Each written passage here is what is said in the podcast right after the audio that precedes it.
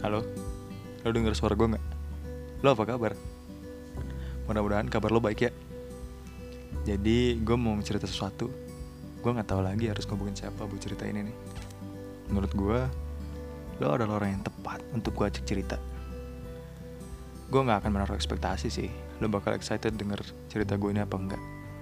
Tapi dengan lo dengerin apa yang gue ceritain, itu udah lebih dari cukup untuk buat gue jadi lega.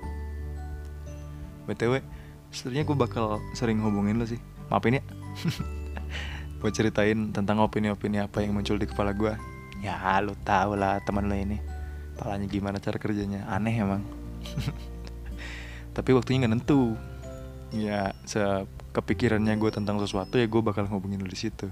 Minta maaf lagi nih gue. oh iya, back to topic.